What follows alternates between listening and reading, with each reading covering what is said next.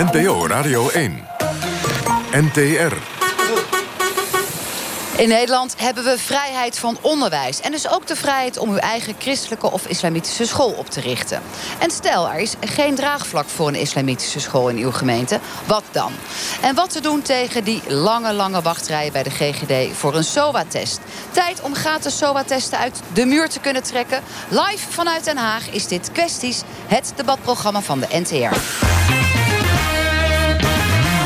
Kwesties met Marianne van den Anker.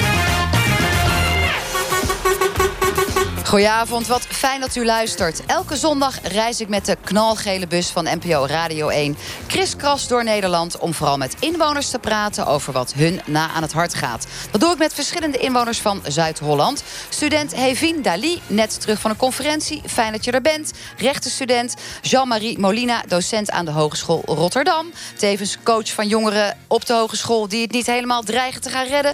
Ruben van Domburg, kitesurfcoach en marktkoopman met een Leefbaar Rotterdam raadsachtergrond Henny van Schaik. Fijn dat jullie er zijn.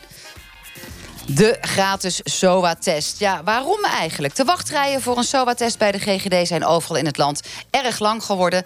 Dus krijgen eigenlijk alleen de mensen die een verhoogd risico op een SOA hebben voorrang. De jongerenafdeling van D66 Utrecht pleit voor gratis SOA-testen die je zomaar uit de muur kunt trekken. Je krijgt een doos met een plasbuis erin. Je kunt hem inleveren bij het lab en dan krijg je vervolgens te horen of je wel of niet een SOA hebt. Op die manier kunnen veel meer mensen een gratis SOA-test doen. Even een rondje in de bus. Wie van jullie heeft wel eens een SOA gehad? Een seksueel overdraagbare aandoening? Niet. Niemand? Niemand? Niemand? Wie heeft wel eens zo'n test gedaan? Ja, ik wel. Ruben, en hoe ging dat bij jou? Uh, dat ging prima. En ik, ging je dat via de huisarts doen, via de GGD? Uh, via de GGD inderdaad. Eerst naar de huisarts en toen uh, doorgestuurd naar de GGD, ja. En vond jij dat nog een ingewikkeld ietsje? Dat je zei, ik ben al bij Ruben, ik denk dat ik misschien onveilig heb gevreden? Nee, nee, ik vond het eigenlijk wel super simpel in zijn werk gaan. En ik denk, ja, als ik dit, als ik dit zo hoor, lijkt me een goed idee. Het is een hele simpele test. Oké. Nou, Jean-Marie, jij hebt natuurlijk veel met studenten te maken. Klagen ze wel eens bij jou dat het te duur is... of dat het een lange wachtrij is daar bij de SOA Poli van de GGD? Uh, eh, ik bespreek heel veel met mijn studenten... maar niet over of ze SOA-tests moeten gaan uh, doen. Nee, ik, daar wordt bij mij niet over geklaagd. Nou, het idee om het gratis te gaan doen en uit de muur te trekken... spreekt je dat aan? Nee, dat is veel te duur ten eerste. En ten tweede, Hoezo ze te duur? niet veilig vrijen, dan houdt het gewoon op. En dan moet je maar een kind krijgen of een SOA. Nee, maar je kunt toch veilig vrijen? Eh, we kunnen toch onze kinderen gewoon leren... Joh, je mag het doen met wie je wil, als je het maar veilig doet. Denk je dan dat het te makkelijk is als je het zomaar uit de muur kan trekken? Nou, ik weet niet of het makkelijk is, maar voor, hoe, hoe, hoeveel kost zo'n test normaal gesproken? Zo'n wat 60 euro voor zo'n basistest of zo? Nee, we betalen het hoe dan ook. Bij de GGD is het gratis, hè, want dat doen we als preventie voor de kids. En als het via de huisarts gaat, gaat het voor jongeren van hun eigen risico af. Hmm. En je kunt het natuurlijk ook gewoon op de commerciële markt kopen. Als je helemaal anoniem wil blijven, dan kan je het op die manier doen en dan is het duur. Ja, nee, van Schaik. Dankjewel. Eh, ik vind het heel belangrijk, dus dan die jonge lui... en ook oudere mensen natuurlijk, die test kunnen doen. Hè. Net wat je zegt, dat, uh, die zorg, is, uh, risico zit er aan, hè, dat moeten ze zelf betalen. Ja, voor mij mogen ze dat wel doen uit de muur. Kijk, je moet een controle erop hebben. Dus dat je met je identiteitskaart incheck. Je haalt de spul eruit. Niet dat je natuurlijk om de dag even zo'n zo spulletje gaat halen en op de, op de markt gooit. Ja, jij vreest voor uh, hamsteren en doorverkopen. Dan wordt, het wel, dan wordt het wel echt heel duur. Ik, ik vind het een heel goed idee dat er een gratis SOA-test wordt aangeboden. Maar het is een beetje een uh, hele ouderwetse oplossing voor een, uh, ja, voor een probleem van jonge mensen. Waarom zou je het niet gewoon via een app kunnen bestellen? En dan heb, heb je ook nog een beetje zicht op wie waar wat wil bestellen. Maar goed, het is wel een, een ondanks dat hè, we het met z'n allen betalen, is het wel een dure aangelegenheid. Hey Fien, hoe kijk jij er tegenaan? Rechtenstudent? Eigenlijk vind ik het een heel goed idee, want dit komt natuurlijk ook van de jongerenorganisatie van D66. Dus het zijn jongeren die vinden dat dit goed is voor hen. En ik vind dat we daar naar moeten luisteren.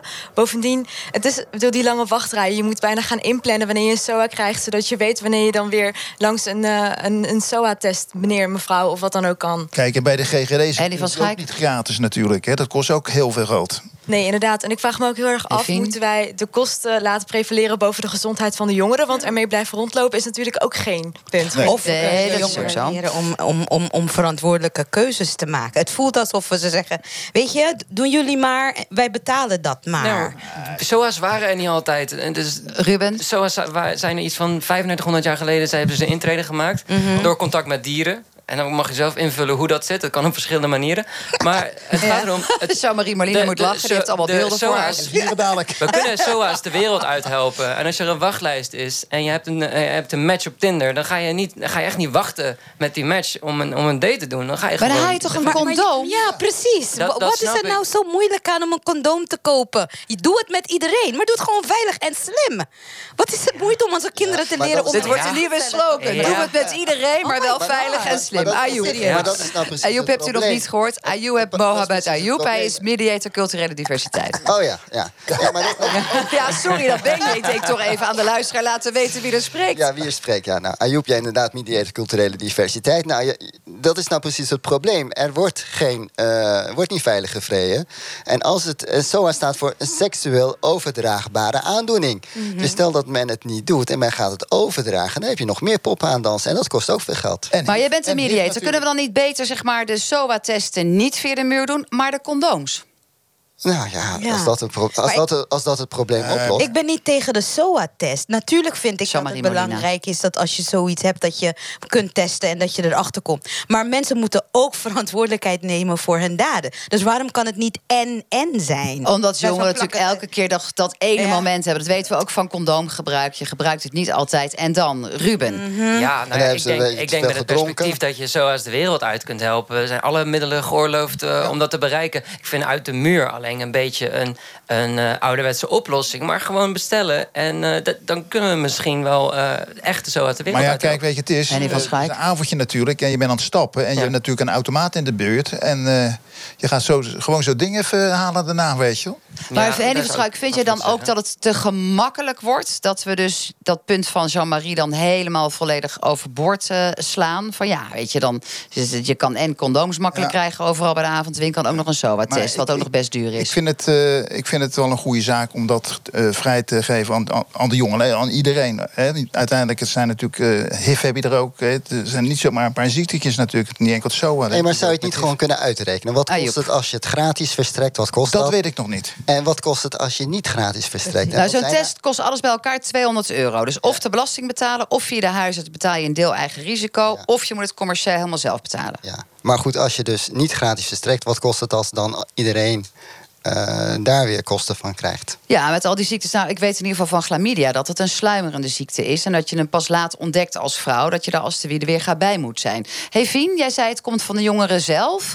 Is het dan een extra reden om er juist meer aandacht voor te vragen in de politiek? Zeker, zeker. Eigenlijk wel. Omdat we natuurlijk ook gewoon moeten luisteren naar wat de behoeften van jongeren zijn. En ik moet heel eerlijk zeggen, in deze hele discussie vind ik het best wel naar dat de verantwoordelijkheid bij jongeren wordt gelegd. Dat wordt altijd al gedaan. Maar ik bedoel, niet altijd is het de schuld van jezelf om eens- als je een SOA krijgt. Want voor hetzelfde geld gaat je vriendje vreemd met iemand anders. En krijg jij als vriendin, dus als gewoon loyaal iemand, een SOA. Wat dan? Het is toch heel naar om dan aan een dokter te gaan om te zeggen: Hoi, mijn vriend is vreemd gegaan, ik heb een SOA. Dus dit is ook. Het is best wel. Maar jij brengt nu een nieuw manier. punt in, hè? Ja, het is- Namelijk ook de anonimiteit. Want dat is ook wat jongeren toch liever hebben. Dat ze naar de GGD gaan, dan kan je anoniem. En bij de huisarts is het bekend. Zou dat voor jou een drempel zijn? Ja, zeker. Mijn huisarts die, eh, zit bij ons om de hoek en komt bij ons koffie doen. Dus het is een beetje naar en raar om bij hem dan te vragen naar een SOA-test. Dus, Maar ik denk dat die huisarts het niet raar vindt. Ik denk dat jij degene bent die het raar vindt. Hij houdt zijn het mond wel, of zij. mij inderdaad. Maar dan zou mijn anonimiteit kunnen worden gewaarborgd... als ik het uit de muur zou kunnen trekken. Dus ik ben best wel voor. Ruben van Domburg, speelt dat voor jou ook mee? eh, wat vind je dan te zeggen voor een SOA-test uit de muur... ten opzichte van een test die je Oh. bestelt? Oh, heel eerlijk, jouw idee, Ruben, was inderdaad beter. Want het is natuurlijk weer een beetje een top-down benadering... dat we het uit de muur zouden kunnen trekken. Maar bestellen via een app is fantastisch. Laten we dat doen. Laten we dat doen. Nou, volgens mij is het punt gehoord. Kwesties met Marianne van den Anker. In Nederland vindt bijna de helft van de mensen dat elke dag vlees eten niet meer van deze tijd is. Maar wat blijkt? We eten net zoveel vlees als zo'n 15 jaar geleden. 40 kilo vlees eten we gemiddeld per persoon per jaar. Dat blijkt dan wel uit een onderzoek van de Vega Monitor. Dus hoe onafhankelijk dat is, dat weten we dan nog weer niet. Maar we gaan zomaar ervan uit dat we nog steeds evenveel vlees eten. Wie eet elke dag vlees? Vingers omhoog. Henny, Henny. Remmert, B van de A, Nico, Oh, nee. Ayoub. Ja, bijna. Bijna. Ruben, nee, ik, eh, nee. Evie Ook vegetariër. en Jamali. Vlees elke dag. Elk vlees elke dag. Heerlijk. Hmm, Het is niet meer van deze tijd, dat is de stelling. Ja, dus er moeten veel mensen over in deze bus. Nee, dat klopt. Ja, we eten gewoon te veel vlees. Als je kijkt naar die, die, die massaproductie van vlees, dat is gewoon niet gezond meer. Zowel niet voor de dier als voor de mens. Ik denk dat het inderdaad goed zou zijn als we veel minder vlees Jij zegt dat heel belerend, maar je zit ondertussen wel je vinger op te steken... dat je Ja. elke dag, bijna Bij- elke dag vlees bijna, eet. Ja, klopt, dat is waar. Maar dat is denk ik dat dat is bij heel veel mensen zo. Eh, dus ik ben daar gewoon heel eerlijk in. Maar dat, mag nog, dat wil nog niet zeggen dat, ik daar, dat ik daar zeg van... hé, hey, dat is wel zo. Nou, we hebben een tal van carnivoren hier in de bus. Ik tel er zes. Eh, Hassam, jij zit achterin te luisteren. Ook een vleeseter? Ja, ook een vleeseter. Nou, het is niet meer van deze tijd. Ja, de Nee, Ruben zeker niet. Van Domburg, Nee, niet meer de- van deze de- tijd. Kitesurfcoach, het is niet meer van deze En ja, tijd. de opwarming van de aarde, dat, eh, dat is toch zeker aan de hand. En als je kijkt naar de effecten van de veehoudersindustrie op eh, de opwarming van de aarde, dat is eigenlijk een van de grootste boosdoeners. maar luister, luister, ik ga toch even Henny van inbreken. Schaik. ja, in Rotterdam hebben ze 14, 14 jaar geleden eh, twee kolencentrales gebouwd. Wij Ja. van Label Rotterdam waren tegen. Ja. En die zijn gebouwd. Die kolencentrales ver- vervuilen meer dan 2 miljoen auto's per jaar. Ja, en die dingen ik. staan te draaien. nee, ik wil geen discussie voeren over Nou, welke nee, oplossing. maar welke jij oplossing. erover. Nee, ja, je zegt van, joh, eh, de, de, de temperatuur Nee, maar wordt dit- hoger. Maar dit- zijn wel beide carnivoren. Dit hè, soort argumenten, nee, maar dit soort argumenten die, die veeg gelijk op tafel. Want het gaat er niet Nee. om dat we een wedstrijd gaan doen van wat het meeste impact heeft. Oh. Het gaat erom dat je je concentreert op de dingen waar je controle over hebt. En als u naar de supermarkt ha- gaat, dan heeft u geen controle over die kolen- en, eh, en gascentrales. U heeft controle over wat u in een winkelmandje legt. En de impact van een persoon, van een individu. Ja, maar u op de, begint op over de opwarming van de aarde. En daar begin ik over die kolencentrales over. En we houden het weer gewoon bij het vlees, dat het niet meer van deze tijd is. Maar wel interessante discussie. Want jij zegt, Ja. die opwarming en dat vlees, dat heeft een kausaal verband. Dan horen we ook van heel veel mensen dat tofu en soja, de vleesvervangers, ook niet zo best zijn voor de aarde. Ja, nou ja, tofu en vleesvervangers kun je eten, maar dat hoeft niet per se. Het gaat erom dat je een, dat je een gebalanceerd, dat je een gebalanceerd. Ik vind, eh, ik vind tofu wel lekker. Kijk, wat je probleem ook een beetje met Nederlanders is, is Oh. dat. Nee, nee, nee. De Nederlandse keuken. Nee, nee, luister. De Nederlandse keuken gebruikt heel weinig kruiden. En we halen alle smaak uit het vlees. Als Nederlanders een klein beetje meer met kruiden zouden koken, dan zou de smaak van groenten een stuk lekkerder worden. En hoeven we geen kaassaus erop Weet te je doen. wat ik wil eten als Maar- aan vlees? Weet je wat, wat ik veel- Bollet. Weet je wat ik heel interessant Het vind? is in niet meer van deze tijd, discussie? We vlees zeggen eten. dat het niet meer van deze tijd is. Maar wat laten de cijfers zien? We doen met z'n allen totaal iets anders. Dus we vinden allemaal toch wel vlees lekker. We blijven het eten. Ik ben het met je eens. Ja. Ze wijst ondertussen naar dat, eh, dat dat niet alle keuzes die we maken verantwoord zijn. Maar aan de andere kant, ik heb toch ook recht om te kiezen dat ik vlees wil Begrijp eten. ik, maar het gaat dus over de discussie of de, eh, of de vlees niet duurder moet worden. Als je kijkt naar de kosten, de negatieve effecten. Worden, moeten worden uitgedrukt in kosten. En dat moet bij de kostprijs van vlees Ja, komen. dat zijn maar, kosten maar die wacht we betalen even. met z'n allen. Interessant punt. Maar, da- maar dan, dan wil ik ook niet betalen voor de SOA uit de muur. Want ik ben niet degene die los zit te vrijen en geen condomen gebruikt. Oké, maar de SOA uit de muur die heeft niet invloed op de planeet. Maar die ene planeet oh, waar, we allemaal, waar we allemaal op Dus de leven. Ik denk dat het een hele andere, andere discussie is. Nee hoor. Nou, kolen, vlees en soa's. Ik geef het woord aan Hefien Dali. Breng jij als rechtenstudent een beetje rust en orde in deze discussie? Ja. Rust in orde. Ik weet niet of ik daar zo goed in ben. Maar ik moet wel eerlijk zeggen dat ik het eens ben met Ruben. En dat het me opvalt dat Ruben en ik als jonge mensen in deze bus geen vlees eten. En het is een beetje alsof wij als jongeren proberen te compenseren. Wat eerder is aangedaan aan de planeet. En het is gewoon echt. We moeten vandaag eigenlijk beginnen met actie. Maar- Want het is al te laat. Ik bedoel, Nee. de wereld staat in brand. De bossen Maar de- maar we kunnen ik vind veel het echt meer heel doen. heftig. En ik weet niet hoor, maar volgens mij hebben we nog niet uitgevonden hoe we onze huizen boven water kunnen laten drijven. Maar klimaatproblemen, klima de klimaatcrisis, het is er. En door minder vlees te eten kunnen we het met z'n allen, iedereen die hier zit, iedereen die luistert, kunnen we het oplossen. En ik vind dat we daar gewoon mee moeten beginnen. Ik weet niet of je dat zou moeten opdragen, of je vlees duurder zou moeten maken, want dan benadeel je mensen die misschien Vlees minder duurder, maken is toch niet, vlees duurder maken is toch niet per definitie opdragen. Dat is toch gewoon kijken wat zijn de negatieve effecten. Hoeveel kosten zijn we sowieso kwijt Het is om een vorm van nudging effecten om het zo te een compenseren. beetje te... Ja. zou deel van de keten moeten zijn. Die negatieve effecten moeten we compenseren met geld van belasting. Maar als we gaan nudgen, dan Jean als, als we gaan nudgen, dan heb ik een hele lijst aan aspecten waarvan ik zeg, laten we daar ook aan nudgen. Nee, maar dat is Hey, maar- hetzelfde argument dat we gaan we kijken naar... oh ja, wat voor dingen zijn er nog Nee, meer dat, allemaal nee, dat, nee, dat, maar, we hebben maar allemaal een gezamenlijke verantwoordelijkheid. Jongens, orde! Het, het gaat erom of je elke dag vlees Ajoep. moet eten. Nou, dat hoeft niet. Je kan met elkaar afspreken van... joh, we gaan laten nou één dag in de week minder... eh, niet, geen vlees spreek eten. niets af. Of twee Nee, ik dagen. Nee, niet. dat hoef je niet zelf. Je hoeft dat niet hier te doen. Oh, maar als we eh, de stelling is, moet je elke dag vlees eten? Nee, dat hoeft niet. Het is niet meer van deze tijd, was de stelling. Nee. Net een maar- beetje in het maar verlengde van is, als ik het wil, doe ik roken, vliegen. Dat Het is niet meer van Ik deze zeg ook tijd. niet dat u, als u het, als u het wilt, dat u het niet mag. Ja, maar je Alleen de kosten die we sowieso moeten betalen voor de gevolgen van de vleesindustrie, die worden alsnog betaald. Ja, Waarom niet door de vlees? En ik zeg nogmaals, we hebben ook andere dingen waar wij ook allemaal kosten voor dragen. begrijp ik, maar dat is precies En- en- hetzelfde maar- maar dat- argument. Maar jouw Ja, punt, Jean-Marie, was ook een stuk betutteling. Want je wilde vrijheid. Plus. Ja. Hoe kun jij iemand, hè, want dan hebben we het Ja. over de jonge generatie. Even voor de goede orde. Even, hoe oud ben jij? 21. Hoe oud ben jij, Ruben? Ik ben 31. Nou, jonge generatie, by far de jongste in de bus. Allemaal oude mensen die nog Oude vasthouden mensen, aan sorry. het vlees eten. Oudere mensen, excuses, Henny. Hoe kunnen wij, mij- hoe kunnen wij worden aan omgeturnd? vlees te eten. Door mensen er bewust Nico de te maken. Gier, P van de volgens mij is het probleem gewoon dat we niet geleerd hebben hoe we kunnen eten zonder vlees. Dus als ik kook, dan kan ik een normale Nederlandse maaltijd met vlees maken binnen een half uur. Als ik iets anders moet bedenken, dan zou ik het niet zo snel weten. We moeten allemaal op les. Nou, ik ik- kookles, dan is het niet opgelost, dit keuken, grote hoor. probleem. Dus, eh, ik maak wel lekker eten. Met Marianne van den Anker. Nou, het, is, het is wel spannend. Mobieltjes in de Tweede Kamer en politici die daar dan op gaan kijken als ze zitten te vergaderen. Eerder hadden we ministers Grapperhaus en Van Nieuwenhuizen die voetbal zaten te kijken op hun iPad tijdens een debat. En laatst was het premier Mark Rutte zelf die de hele tijd op zijn telefoon zat. Terwijl Kamerlid Esther Ouwehand van de Partij voor de, Duur- voor de Dieren hem toespreekt. Luister even naar het fragment. Het kabinet houdt zich gewoon niet aan de wet. Houdt zich niet aan de wet. Kan de minister-president misschien een beetje beter opletten in plaats van op zijn telefoon te kijken? Oh, hij hoort alles. Het lijkt me namelijk niet zo goed signaal wat dat zegt over het landsbestuur. De minister-president zit nog steeds op de telefoon te voorzitter. Ik vind het echt een heel slecht signaal. Hij hoort alles, maar hij is er niet van onder de indruk. Wat voor signaal is het Ja, ik durf zijn eh, telefoon niet in beslag te nemen, want ik weet niet wat voor berichten allemaal binnenkomen. Ja, maar ik, eh, ik, ik, ik doe wel beroepen op de premier om goed te luisteren naar de inbreng van alle Kamerleden. Kijk, en zo gaat Kamervoorzitter Ariep er toch weer een hele mooie draai aan geven. Een beetje begrip voor Mark Rutte, want hij is het land aan het besturen. En Ja, toch ja, een zachte klem om eh, zijn mobieltje weg te stoppen. En van Schak, je hebt in de gemeenteraad gezeten van Rotterdam. Ja. Ehm, staat je wel eens op je telefoon? Eh, nee, niet echt. Ik vind als je volksvertegenwoordiger bent... of dat je in de Tweede Kamer zit, Eerste Kamer of op de gemeenteraad...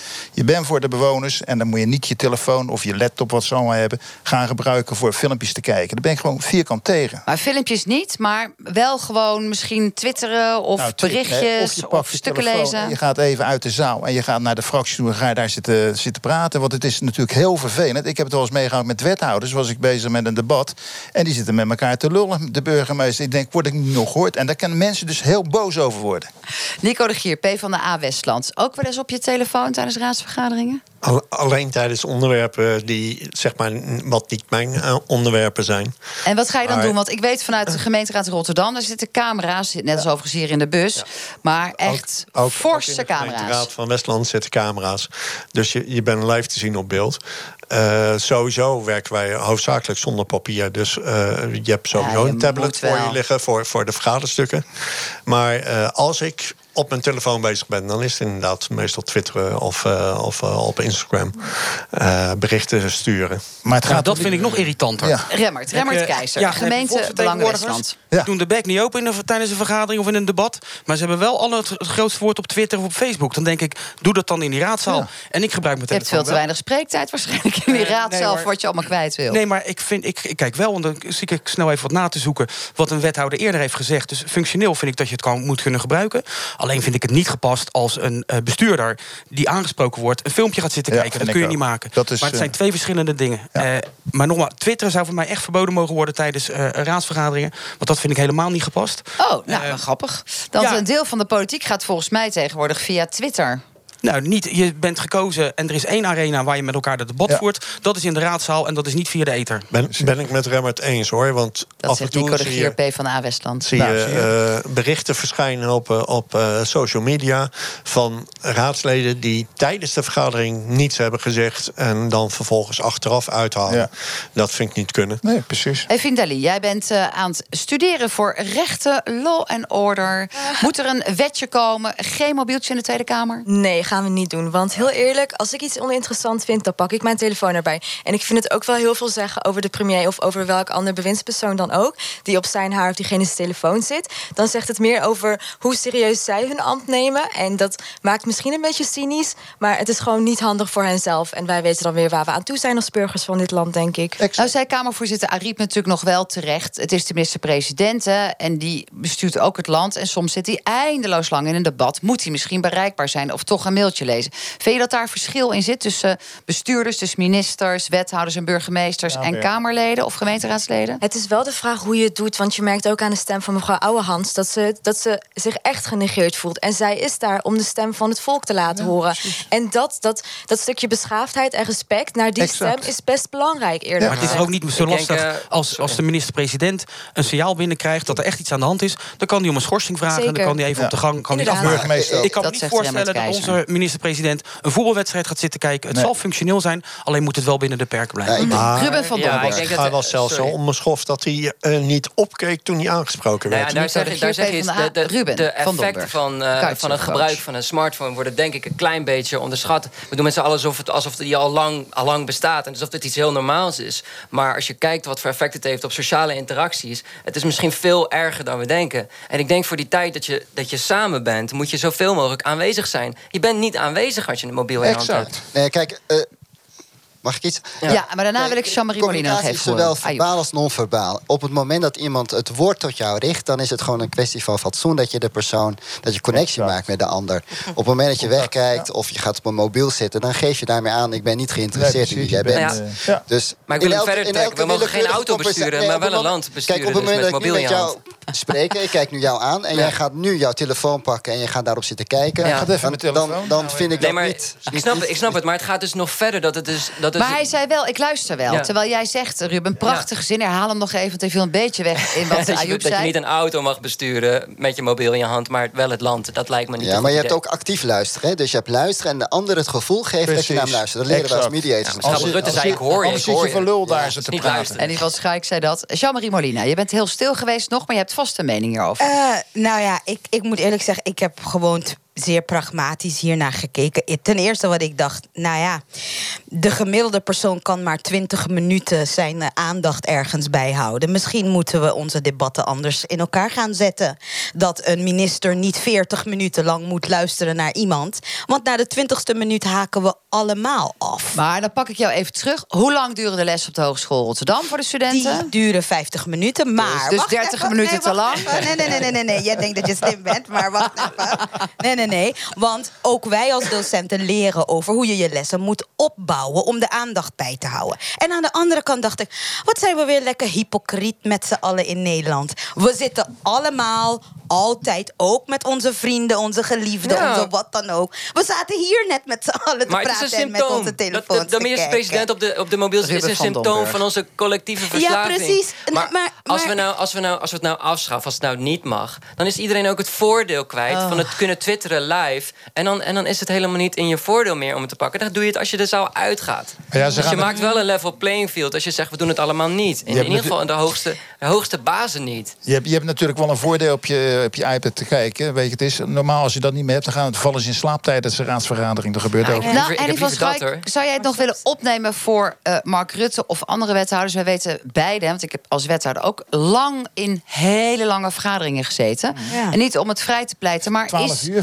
14 14 uur. Is een minuut van de minister-president niet superbelangrijk? Nog niet als hij natuurlijk gaat zitten eh voetbal eh, watchen. Nee, dat is het punt. Kijk, als het echt nodig is, ja, dan moet hij bereikbaar zijn. De burgemeester ook, klaar. Hey Fien, vind je Ja, dat bereik- overtuigend? Bereikbaarheid is belangrijk inderdaad, maar respect naar iemands verhaal ook. Oké, nou, eh, ik zeg... eh, everything has been said and done. Islamitisch onderwijs in Westland. Een onderwerp wat bijna een echte soap lijkt. De gemeente Westland, waarvan er hier twee raadsleden in ons bus aanwezig zijn, doet er alles aan om de komst van een islamitische school in Naaldwijk tegen te houden. Ze vechten er zelfs eh, bij de Raad van State voor of tegen. Minister Slop was toen de sigaar. En die zegt dat de school er wel mag komen. Diezelfde Raad van State besloot eerder dit jaar nog dat de school er gewoon moet komen. Kortom, iedereen is er maar druk mee tot aan de Raad van State toe. Het goed recht van de gemeente Westland om hier tegen te blijven vechten of een nieuw dieptepunt in multicultureel Nederland. Ik praat erover met Nico de Gier. U hebt hem al gehoord van de Partij van de Arbeid Westland. Remmert Keizer van Gemeentebelangen Westland. En Ayoub Mohamed Ayoub, mediator culturele diversiteit. Waarom die school niet of waarom die school wel? Ik geef eerst iedere partij hier aanwezig even de ruimte om daar kort op in te kunnen gaan. Nico de Gier, jij bent enorm voor. Hij mag er wel komen. Waarom? Nou, enorm voor is, eh, is overdreven. Eh, ik ben, wat de Partij van de Arbeid altijd is, altijd is voor openbaar onderwijs. Eh, want dat vind ik de beste vorm eh, van onderwijs. Waarmee je dus eigenlijk ook een bommetje legt onder artikel 23... om het maar even meteen scherp juridisch neer te zetten? Volgens mij wordt er op dit moment pogingen gedaan om artikel 23 aan te passen. En de Partij van de Arbeid is een van de indieners daarvan. Uh, maar zolang artikel 23 geldt en uh, uh, de wetgeving die dat uitwerkt recht geeft om een school te starten, hè, het maakt niet zoveel uit of het nou basisonderwijs is of voortgezet onderwijs, dan moet je dat gewoon uitvoeren. dus dat is jouw punt. Gelijke monniken, gelijke kappen. Ze willen die school Kortom, als er voldoende animo is. Alle katholieken, protestant, christelijke. En joden, iedereen. Uh, iedereen heeft de school Dus islamitisch onderwijs ook in Naaldwijk. Nou, Remmert Keizer, gemeentebelangen Westland. Zijn jullie er niet zo voor? Waarom niet? Nee, wij zijn daar niet voor. Omdat wij vinden dat je het juist samen moet doen. Wat ons betreft gaan ook de katholieken en de protestanten samen. Geen uitbreiding meer van het aantal uh, schoolbesturen of stichtingen die we hebben. En waarom we er ook geen voorstander van zijn... in de onderbouwingen die we hebben gekregen... daar wordt niet duidelijk gemaakt dat minimaal 70% van het aantal leerlingen... uit onze gemeente komt. Onze gemeente wordt vergeleken met Zoetermeer. Is vergeleken met uh, Heerlen, dacht ik. Maar wij zijn een soort ketting van dorpen en kernen. Dat is een totaal andere inrichting. En, maar dat uh, is, meerderheid... dat is ook onderdeel van de wet. Hè? Dat geldt ook voor zwaar ja. reformatorische scholen. Daar komen mensen van heinde en verre met busjes betaald Klopt. door de belastingbetaler. Want dat maar vinden we nou eenmaal in punt. Nederland. Dat hebben we gehad. Gaan. Hier ligt een nieuwe aanvraag. En of het dan uh, een islamitische school had geweest, of een Hindustaanse school, of een Joodse school, dat hadden wij ook nee gezegd. We hebben scholen voldoende. We, hebben, uh, we moeten alle zeilen bijzetten om alles bij te kunnen houden. En er zit iets heel raars in onze wetgeving. Een meerderheid van de gemeenteraad zegt nee, dat willen we niet. Dan gaat de Raad van State die zegt, nou, wij vinden dat het wel moet gebeuren. Dan komt die aanvraag weer opnieuw bij het college terecht. En dan begint er iets raars. Dan gaat het college weer naar de gemeenteraad en wordt gevraagd. Besluiten jullie, hè? Je krijgt een besluit, ja, mag je ja of nee zeggen. Maar ja, nou, jullie waren wij, al tegen met de meerderheid. En dan zeg je nee, en dan krijg je opeens alles over je heen. Dus daar zit iets raars in, in die hele besluitvorming. Maar daarmee zeg je eigenlijk ook, gemeente hoort boven de overheid te gaan? Want jullie hebben als gemeenteraad besloten, jullie zijn daar de baas. Als die vraag voorligt bij de gemeenteraad, als ik als volksvertegenwoordiger een keus moet maken, dan moet ik die kunnen maken. Ja, en uiteindelijk, even voor de luisteraar, de gemeente moet het schoolgebouw betalen. Maakt niet uit ja. openbaar ja. of bijzonder wat voor onderwijs nou, de gemeente dokt. Daar wil ik Nico wel een kanttekening voor ma bij maken. Want op een gegeven moment, vroeger betaalde het ministerie van Onderwijs en Wetenschappen dat. En dat geld dat is gedecentraliseerd naar de gemeentes, zodat de gemeente, die dat graag wilde, de schoolgebouwen neerzet. Uh, dus uiteindelijk, vroeger het is onderdeel van de vergoeding die de gemeentes krijgen van het Rijk. Oké, dat gezegd hebben. Zegt natuurlijk Rebbert. Wij hebben als gemeenteraad in meerderheid in ons democratische Westland besloten om tegen te zijn. En nu is er natuurlijk weer bovenover Raad van State, minister, et cetera erbij. Heeft een gemeente eigenlijk niet gewoon eigen recht? Moeten we dan stoppen met het Rijk om over gemeentes heen te vallen? Nou, ik, om het niet te juridisch te maken. De vorige gemeenteraad eh, en dat besluit is aangevochten, die was in meerderheid voor. Uh, want toen hadden de lokale partijen nog een minderheid in de, de andere tijden.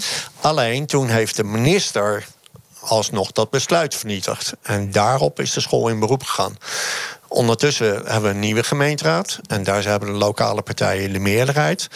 En die stemmen nu elk elke aanpassing eh, stemmen ze op dit moment weg. De Raad van State heeft tegen de minister gezegd: minister, zorg dat er een plan van scholen komt waar Yunus Emre als islamitische school, school in zit.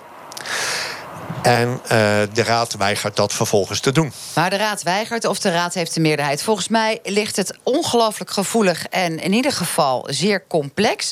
Dus wij dachten, Ayoub brengt licht. Je bent tenslotte mediator culturele diversiteit. Hoe moeten we naar deze soap of deze diep verdeelde kwestie kijken in Westland? Want het is natuurlijk wel echt uh, serieus de vraag of dat de gemeente nou het goede recht heeft om hier tegen te zijn, of dat het een dieptepunt is in multicultureel Nederland. Nou, dit, deze discussie loopt natuurlijk al heel lang. Vanaf de allereerste oprichting van een islamitische school was dat dan een ontwikkeling waar met ledenogen naar gekeken werd. Door wie? Door, door de samenleving. En het had te maken met een algemeen gevoel van. Uh, vinden wij wel dat de islam hier thuis hoort? Uh, angst voor islam, angst voor moslims, dat zie je zo terugkomen. Met uh, eh, 9-11 is het alleen maar erger geworden, hè? De, de angst voor de islam.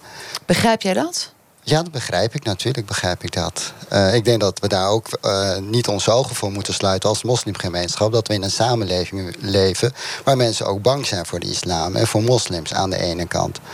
Maar de vraag is in hoeverre je dat dan direct weer moet uh, laten, laten terugslaan op een, op een school die gesticht wordt. Want dat is de situatie hier. En als je kijkt naar de situatie hier, dan zijn er ouders die willen graag gebruik maken van de rechten die hier in Nederland zijn. Op basis van artikel 23 zijn er een aantal stichtingsnormen die je daarvoor uh, moet volgen. Nou, dat volg je allemaal tot aan de hoogste rechter.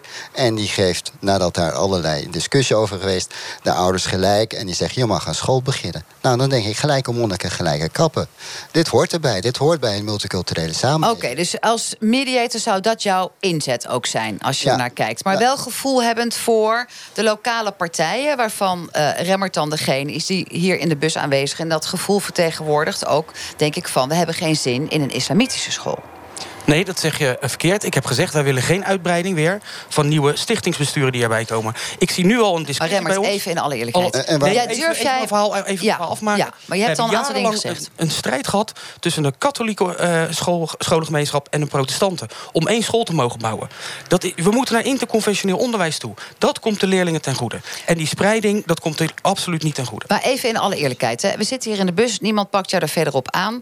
Eh, ik merk vaker dat mensen niet meer de ruimte voelen om te kunnen zeggen: Ik ben bang voor de islam, ik heb daar geen zin in. En dan komen er allerlei juridische toestanden bij. We hebben geen geld of uh, we willen geen stichtingsbesturen meer. Maar het zit toch dieper in jullie gemeenschap verankerd vanuit Westland dat ze zeggen: ja, die moslims die drukken hier maar hun eigen uh, leven door. En dan willen ze ook nog een school en een eigen taal spreken, en een eigen buurthuis, een eigen supermarkt, een eigen alles. Dat dat erachter zit. Nee, dat zit er bij ons niet achter. Er is een aanvraag gedaan, iedereen kan die aanvraag doen... en die wordt getoetst op een aantal zaken en wij trekken die in twijfel. Dat hebben we ook gezegd in de Raad. De meerderheid van de gemeenteraad wenst dat niet. Dan, nogmaals, dan komen we in herhaling. Dan komt de Raad van State die zegt... ja, minister, je moet hem wel opnemen, hij moet uitgevoerd worden. En daar zit een heel rare hiaat. Dan komt die vraag weer bij de gemeenteraad. En de gemeenteraad wordt Ja, maar nu blijft het dat juridische ja, stuk. ja, maar, dat is geen juridisch stuk. Ik, mijn me uh, onze mening is helder. Wij willen niet nog een, uh, een scholenstichting daarbij bij ons in de gemeente. Dat is, maar dus, ja, ik heb dan toch maar het gevoel dat dat niet het echte sentiment is. Die heb, die heb ik net aangegeven. En of dat nou eh, Hindoestaans was geweest of een Joodse uh, scholengemeenschap. Wij willen met elkaar graag integreren. Daar hebben wij ook uh, van gezegd dat is goed. Je moet met elkaar moet je naar school gaan en niet alles apart in hokjes zetten. Oké, Nico de Gier, ja, B van nou, de A. Geloof jij dit verhaal? Nee. Want wat denk jij dat dat erachter zit? We hebben een aantal jaar geleden we Montessori-onderwijs gekregen binnen, binnen de gemeente Westland. En toen heeft niemand dit geluid laten horen. En dat is Eh, algemeen we- we- bijzonder. het- eh, hetzelfde eh, eh, hebben we gezien eh, toen we de gebedsruimte... eh, die, De moskee, eh, mos- 12 jaar de geleden. hadden eh, om wilden zetten naar een moskee. Dat heeft 12 jaar eh, gesleept. En eh, eh, de, de hele bevolking is geactiveerd om eh, daar maar tegen te zijn. En uiteindelijk is die er toch gekomen... en er is sindsdien geen klacht over binnengekomen.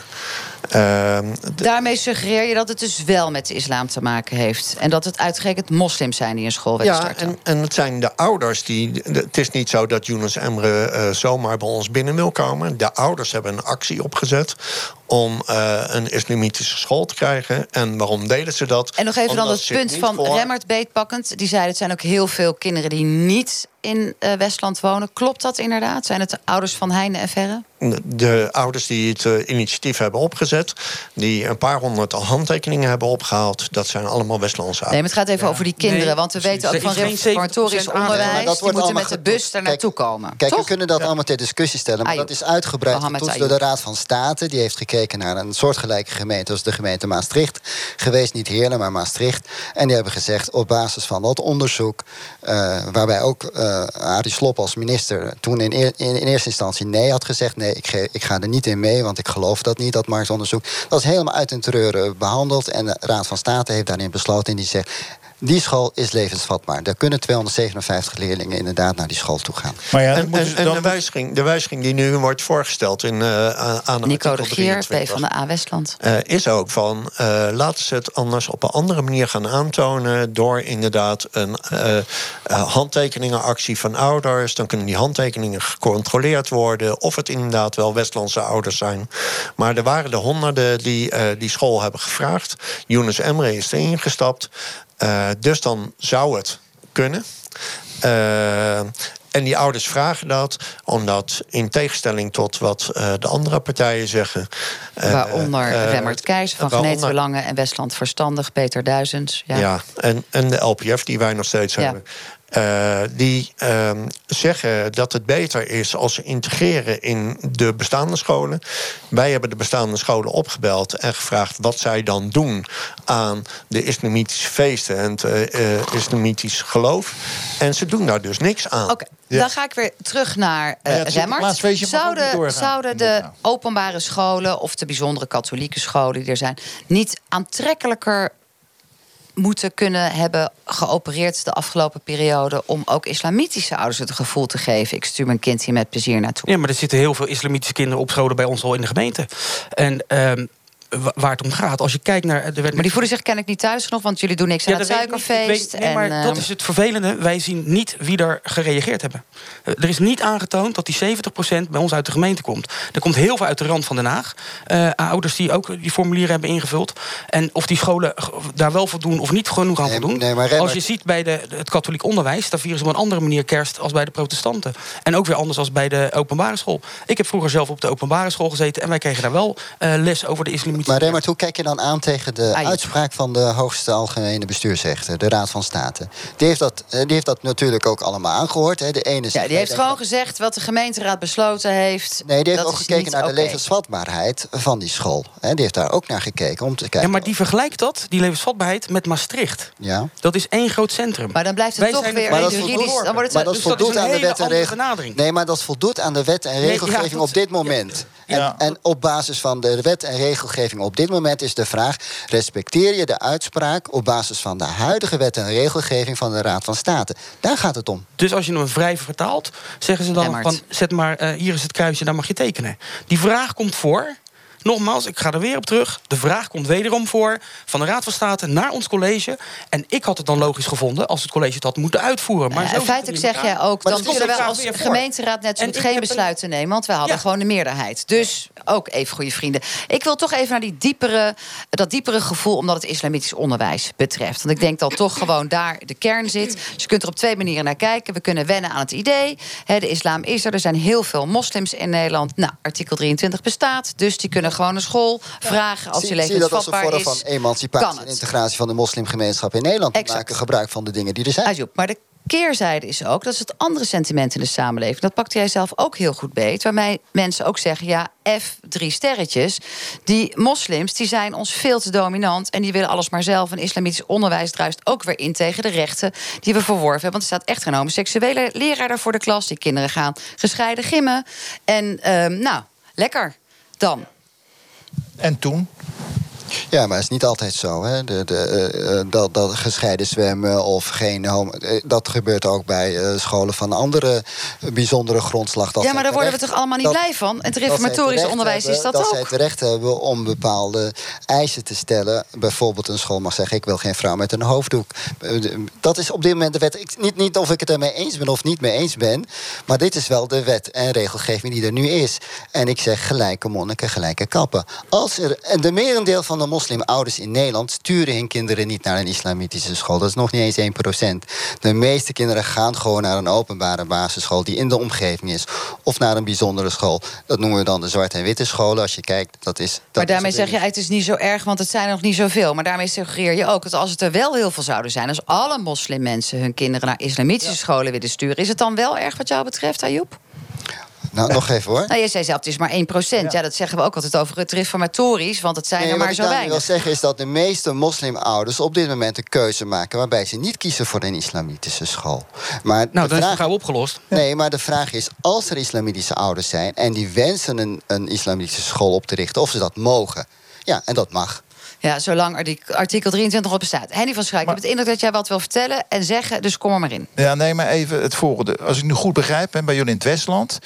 eh, er moet, zoveel mensen moeten op de school gaan, kinderen. Anders krijg je geen vergunning. En wat u aangaf ook, waar komen die vandaan? Ja, je kan ze overal gaan oproepen. Joh, kom even naar die school bij ons. En dan hebben we genoeg eh, mensen en dan kunnen we hem oprichten. Hoe zit dat dan? Dat zou ik wel willen weten. En van PvdA, die zei het ook al. Komen ze allemaal uit het dorp daar? Ze, komen ze komen uit de elf dorpen in het Westland. Elf dorpen. Want- en hoeveel want- kilometer want- van elkaar? Dan moeten iedere In- dag bussen gaan rijden, meneer. Met die mensen erin. Nee, 11 kilometer. Ja, wat, 11 kilometer. eh, 11 kilometer.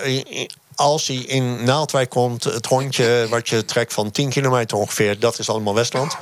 Eh, en ze- ik zou niet weten waar ze anders vandaan moeten komen. Want eh, Den Haag Zuidwest, eh, wat, wat Remmert veronderstelt. Daar zit daar een islamitische school. Eh, net afgelopen jaar een nieuwe eh, islamitische school ge- gestart. Dus waarom zouden ze, als ze in Den Haag Zuidwest al een islamitische school hebben, naar onze school in het Westland Nou, komen? dat vinden, ze, dat vinden ze prachtig. Willen gewoon laten zien, joh, wij komen daar zo klaar over en uit. Dat Laat is Henny maar van Jean-Marie Molina, hoe zit jij te luisteren naar dit debat, deze discussie, de komst of niet van een islamitische school in Naaldwijk? Nou, ik vind, het, ik vind het een ingewikkelde discussie. Maar ik hoor aan beide kanten hoor ik eigenlijk goede argumenten. Uiteraard eh, hebben we recht op ons geloof en recht om onderwijs te hebben eh, eh, op ons geloof. Maar aan de andere kant, wat ik wil inbrengen nadat ik alles heb gehoord, is we leven in een sterk gepolariseerde maatschappij. Ik merk dat we in plaats van naar elkaar toe te trekken, dat we iedereen een soort van veilige hoek steeds aan het opzoeken is. Waar die daar veilig is en niet deel hoeft te nemen aan bepaalde dingen. Vanuit dat gedachte zou ik zeggen: ehm, waarom gaan niet alle partijen aan tafel om een mixed school te maken. Met, met, met een curriculum dat alles omhelst. Dat zou een oplossing zijn voor iedereen. Maar aan de andere kant vind ik dat Remmert eigenlijk ook een goede argument heeft. Hij- zegt ook: we hebben een aantal eisen gesteld. Wij als gemeenteraad vinden dat deze school niet voldoet aan deze eisen. We hebben eigenlijk al nee gezegd. En nu worden we gedwongen om ja, Ja, je wordt zeggen. overruled door het Ja, Rijk. en, en dan wil ik nog één ding zeggen. Misschien is het ook tijd in, in Nederland om ook te beseffen dat niet alles om, om exclusie of, of discriminatie of racisme of haat kunnen zijn. We, we willen, ik, ik wil niet in een land wonen waar ik niet gewoon kan zeggen: ik wil dit niet omdat het tegen mijn eigen overtuiging gaat. Ik vind dat mensen ook gewoon het recht moeten hebben om te zeggen: dit willen wij niet, omdat dit niet past in ons, in ons plan, in ons gemeente, wat dan ook. Dus dat vind ik een beetje lastig aan deze discussie. Maar je hebt een voorstel gedaan. Waarom niet gewoon een mixed school? Ik Ja. denk dat Ayoub als mediator had je eigenlijk ook wel in kunnen brengen. Gewoon. Hartstikke idee. Nee, maar eh, kijk, je, je hebt natuurlijk heel veel openbare scholen waar je eh, aandacht kan eh, geven aan bijvoorbeeld islamitisch godsdienstonderwijs of uh, godsdienstige vormingsonderwijs. Dat Alleen moet zelfs bij wetten. Dat moet zelfs bij wetten. Het, het, is onlangs zelfs zo geweest dat het nu een automatische uitbetaling vanuit de Rijksoverheid is richting alle openbare scholen. Alleen wordt dat nog niet goed vormgegeven en bij bijzondere scholen ook, ook nog niet. Dus waarom ouders, gaan we niet samen? En de ouders die weten ook niet dat ze dat kunnen aanvragen bij de, de openbare basisscholen. Dus dat er godsdienstig vormingsonderwijs ook daar wordt gegeven. Nou, ik denk dat even iets vragend aan jou. Als dat veel meer zou plaatsvinden, denk ik dat je dan misschien ook wel de behoefte misschien een beetje weg zou kunnen halen voor moslimouders om een eigen school te. Nou ja, dat wil ik aan jou vragen als mediator. En dan gaat nog even één punt verder. Dit, is voor, dit wordt toch ervaren als een vorm van uitsluiting. Het wordt ervaren van ondanks hè, de, de hoogste mhm. rechter heeft gezet, wordt, ge, uh, wordt ervaren als uitsluiting. Dat kan er juist toe leiden dat steeds meer ouders gaan zeggen: we willen toch onze eigen voorziening hebben, want daardoor worden we sterker in onze eigen identiteitsontwikkeling. Dus hoe meer je er tegen bent, hoe, misschien je meer, hoe, hoe meer je misschien de tegenovergestelde reactie gaat nee, maar die kun je er ook omdraaien. Ja, ja maar uitsluiten. Ja, klopt. Als de meerderheid, wij zijn gekozen door de inwoners van onze gemeente. Ja. En de meerderheid van die bewoners zegt: nee, dat willen we nou niet. Klaar? Met wat voor reden dan ook. Dan zeg je dat en dan sluit je het uit, omdat de minister dan zegt: nee, we gaan hem wel realiseren. En dan gaat de Raad van State nog overheen. Dat, dat is dan toch dezelfde kant op. Nou, dan krijg je wat... toch het gevoel als, als uh, tegenstander van... is dat even lekker? Nou we, zijn we met elkaar, we hebben een meerderheid. En dan komt er een of andere ja. Pipo de Clown... en die gaat zeggen dat het wel nou, moet. Het Pipo, Pipo de Clown, dus de Raad van State aan de mis. Maar even het punt beetpakkend wat Ayoub noemt. Want ik wil het aan jullie beiden vragen. Nee, ik wil, oh, ik wil dit punt met jou markeren. Ayoub zegt... Als mensen zich uitgesloten voelen en geen onderdeel van de samenleving, en dat gebeurt met moslims natuurlijk in toenemende mate, dan zou het zomaar zo kunnen zijn dat ze juist dan nog meer toegrijpen naar een stevigere moskee met een zwaarder geloof en een islamitische school en een eigen alles. Dus dan ben je verkeerd bezig. Ben je daar gevoelig voor? Uh, nee, want ik geef net aan, dat kun je dus de andere kant op ook doen. Ja. Maar hoe dan? Door nee, ontmoeting te organiseren. Jean-Marie Molina. Ik, ik, ik hoor, kijk, Ayoub zegt een aantal erg belangrijke dingen. Hij, ik hoor hem bijvoorbeeld zeggen over voorlichting. Ik wil jullie allemaal vragen. Hebben jullie een bijeenkomst georganiseerd... waarbij jullie en moslimouders en katholieke ouders... en al die ouders bij elkaar gehaald hebben te zeggen... jongens, we, dit is ons probleem, we komen er niet uit. Wat is onze oplossing? Hebben jullie dat gedaan? Nou, dat is echt, dat, is echt, dat raak je mij mediatorshart. Oké, maar ik, ben ook, ik heb nog een aantal andere vragen. Ik ben ook... Ik, ik wil ook weten, bijvoorbeeld, um, wat is nou precies de argumentatie voor deze ouders om te zeggen: wij willen een islamitische school? Dat wil ik weten. Dat is het punt. Uh, en aan de andere kant. En wanneer ben jij tevreden voor jezelf? Nou, ik, ik, ik ben tevreden op het moment dat we een oplossing kan, kunnen vinden dat en uh, recht doet aan het recht van de democratie, waarbij mensen kunnen zeggen: met een meerderheid zijn we hier tegen. En aan de andere kant dat mensen ook erkend worden in hun identiteit. En dat kan. En ik heb het niet over een openbare school, ik heb het over een mixed Een nieuwe vorm. Een nieuwe vorm waar al die dingen naast elkaar bestaan. Wat is dan, sorry, wat is dan het verschil het, tussen een openbare en een mixed school? Dat snap ik dan niet nou, helemaal. kijk, ik, in een mixed school dan heb je al die verschillende curricula en die worden ook allebei gelijkwaardig aangeboden en besproken. In een openbare school kan je natuurlijk wel een les krijgen over. En misschien is dat radicaal voor Nederland. Maar waarom moet altijd alles of of.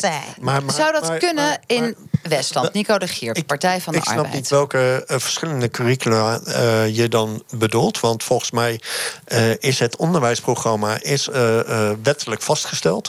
Iedere school hoort hetzelfde lespakket te Dus geven. waarom hebben we dan islamitische scholen nodig... Ja. als iedereen hetzelfde nee, hoort aan te bieden? Oh, maar luister eens. On, on laten we even goed kijken wat is islamitisch, on, islamitische scholen. Hè? Dat is gewoon de scholen die gewoon het algemene programma volgen van de onderwijs. Hè? Ja, maar even in alle en eerlijkheid. Daar wordt niets verteld over het christendom, ja. over het jodendom. Want ik heb die curricula ook wel eens bekeken. Dus dat is natuurlijk ook wel weer het ding. En er staan natuurlijk ook geen nou, homoseksuele leraren nee, voor de klas, nee, toch? Oké, okay, maar dan denk ik, dan hebben we de onderwijsinspectie. Ja. Die, natuurlijk kan... die kan ook geen kant. Want die kijkt naar artikel 23 en dan mag je nee. kinderen weigeren. En nee, dan mag dan je... gaat het over de kwaliteit van ah. onderwijs. Dan hebt het over burgerschapsonderwijs. En ook islamitische scholen willen kinderen zo goed mogelijk toerusten... om op een goede manier een bijdrage te leveren aan de Nederlandse samenleving. Maar in, uh, ik wil wel toevoegen... Nico dat de Geer, Partij van de Arbeid. Dat wij in Westland hebben een aantal kleine dorpen. Die, daar zit de school eigenlijk al zeg maar, eh, onder de op, ophef- opheffingsnorm. Dus die school zou Ja. eigenlijk moeten verdwijnen. Omdat we grote eh, scholenstichtingen hebben, worden die scholen in stand gehouden. En daar zijn sommige scholen al mixed. In ieder geval dat de Ja. katholiek en protestant-christelijk Dat je daar gewoon gaan. als burger anno dat er 2019 wordt opgeleid voor burger anno samen is gegaan. 2015. Ja. De- Hey Fien, hoe luister jij naar deze discussie? Ja, wow, ik denk dat ik gewoon meteen moet stoppen met mijn rechtenstudie. Want nou ja, er is gewoon hiërarchie in wetten. En als we dat niet naleven, wat dan? Want er wordt dan gezegd, er komt een of andere pipo, de minister dus, of de Raad van State... en die bepaalt dat de gemeente iets anders moet doen. Maar daar gaat het niet over. Zelfs die pipo, dus de minister, is niet per se verkozen... maar hij voert wel beleid uit. En dat beleid is bepaald door alle inwoners van dit land. Dus als dat wordt gezegd, denk ik echt, oei, oké. En... eh, Oké, we gaan even... Oei, oké. Jij met Ja. je pipo. Oei, oké. Dit gaat Ja, niet goed, nee. zegt Evien. Rechtenstudent. Dat klopt, en dan kom je weer op de discussie. Dan is de inrichting van ons systeem heel raar. Als de minister of de Raad van State iets bepaalt... dan moet het dan uitgevoerd worden. Maar nee, de vraag wordt weer voorgelegd. en wij zitten daar namens de, eh diegenen die ons gekozen hebben. Dus dan blijf je in een cirkel. Maar kun je Dus dan- accepteren, Remmert, want het is wel vijf minuten stoppen wij met deze uitzending. De eh, Raad van State heeft gesproken, het eh, hoogste orgaan. Ga En je erbij ik het neerleggen? instrument... Nee. Dat, dus eigenlijk had die vraag niet gesteld wij- moeten worden, zeg jij dus. Nee. Dus eigenlijk had die vraag niet gesteld moeten U worden. laat mij niet uitpraten, en dan had je ook, ook geen keuze Oké, hoeven Ik vraag aan Remmert eh, en Peter Duizens. Sorry, die is er niet. Die had ze hier uitgenodigd. eh, eh, was uitgenodigd, maar die is niet. Dus jij moet het nu allemaal oplossen. Ehm, Peter heeft ga je erbij maar neerleggen? heeft daar geen reactie op gehad. Nee, wij krijgen een vraag en ik moet een, een besluit nemen als raadslid... zonder last of ruggespraak. Ik ben gekozen door mijn kiezers en mijn kiezers zeggen En de daar ook... meerderheid nee. zegt van- En de meerderheid zegt, dan moet je daar naar handelen. Ja, dat wordt dus wel een soap. Want dan is het. Ik kijk even naar Evien. Want eh, jij zit het verst in de boeken. En het diepst erin wordt opgeleid. Hoe werkt dat dan? Stel nou dat de gemeenteraad van Westland in meerderheid blijft zeggen: niet welkom.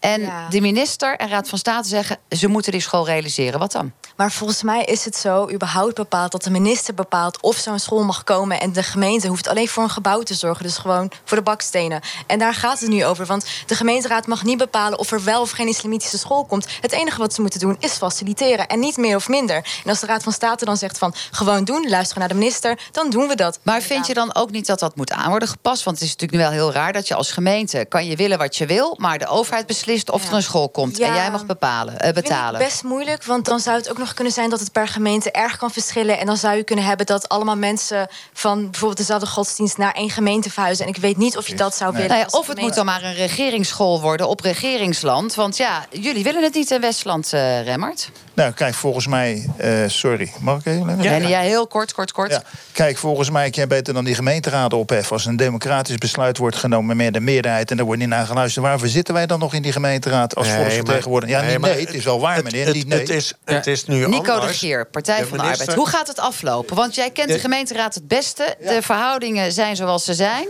We wachten tot jullie weer groot worden in de nieuwe raadsperiode... en het uitstellen, dit hele akkefietje. Eh, dat, dat is met de moskee. eh, ja, zo ook- hebben die, die moskee weten te realiseren. Ik denk dat deze raad, omdat ze de lokale partijen een meerderheid van één stem hebben, alle eh, middelen zullen aanwenden om maar- zo Rekken, lang rekken, rekken, mogelijk rekken, rekken, rekken. alles Maar- aan te Maar vechten. de meerderheid beslist toch? Al heb je er maar Nee, eentje. nee, want in dit geval is het dat de minister volgens de wet het, het besluit van de gemeenteraad wat tegen de wet inging, na zich neer heeft gelegd en in plaats van de gemeenteraad alsnog het plan van scholen eh, heeft vastgesteld. Alleen. Maar ik het vroeg aan nou jou, gaat het zo- aflopen? Jij denkt traineren en wachten Ja, tot de nieuwe verkiezingen. elk- hey, elk besluit Dali, en daarna opnieuw eindig ik aangevochten. met jou, Ayoub. Want je bent mediator, dan moet jij maar een uitle- uitleggen hoe het moet worden opgelost worden. Oké, nog één hele kleine opmerking. Want ik merk ook best wel dat er best veel kritiek is op wat rechters besluiten. Maar als burger heb jij ook recht op bescherming tegenover de overheid. En dat kan alleen via de rechter. Dus als we allemaal gaan zeggen, ja, die rechters ook allemaal pipo's, dan zijn we wel echt heel erg alles in dit land. Ja. Nou, Oké, Ayoub, hoe gaat dit eindigen? Laten we gewoon de Wordt het getraineerd? Gaat artikel Ik heb 23 alle worden respect voor- afgeschaft? ik heb alle de respect voor minister gelijk democratische besluitvormingsprocessen... maar laten we ook de rechtsstaat eh, respecteren... en zijn rechtsstaat zo gewoon zijn werk laten doen. Respecteer wat de algemene, eh, hoogste algemene bestuursrechter heeft bepaald. En eh, ik denk dat we het daarmee moeten doen. Hmm. Wat daarmee moeten doen, volgens mij is dat een televisieprogramma, toch? Die altijd zo eindigt met zo'n rijdende rechter. Maar dan gaat het meer over tuintjes en heggetjes. En daarmee zullen het moeten doen, ja. Goed, dank jullie allemaal. Tot zover kwesties vanuit Den Haag. Het leek net alsof we in Westland zaten. Dank jullie wel allemaal, inwoners en politici. Volgende week staat deze knalgele bus van NPO Radio 1 weer op een andere locatie in Nederland. Blijf luisteren, want zo direct Radiodoc. Hoe katholieke en protestantse jongeren uit Noord-Ierland in een dorpje hier in Nederland op één slaapkamer werden gezet. In de hoop dat ze vrede kunnen sluiten. Als hen dat lukt, kunnen het misschien ook op die manier toepassen tussen Westland en de moslim, moslimgemeenschap als het gaat over een school. Die geloven toch, jongens, er is altijd wat mee aan de hand. Een hele fijne avond en tot volgende week. Kwesties met Marianne van den Anker. NPO Radio 1 podcast. podcast. En ik hoor een blaf en eh, ik word er nog emotioneel van. Wat ontroert je? Hond weer terug. Wat maakt je boos uit het nieuws of je eigen leven? Ja, ik vind het belachelijk zoals zij mensen belagen over iets wat een recht is. Wat maakt je blij? Sinterklaas is mijn favoriete periode. Omdat je je schoen kan zetten en dan zing je heel erg veel liedjes met elkaar. Je gaat altijd bij de open haard zitten. Wat mij raakt is de eerste podcast waarin jij je verhaal kunt vertellen. Wat mij raakt is het gedoe om het klimaat. Ga naar nporadio1.nl slash podcast en luister Wat mij raakt.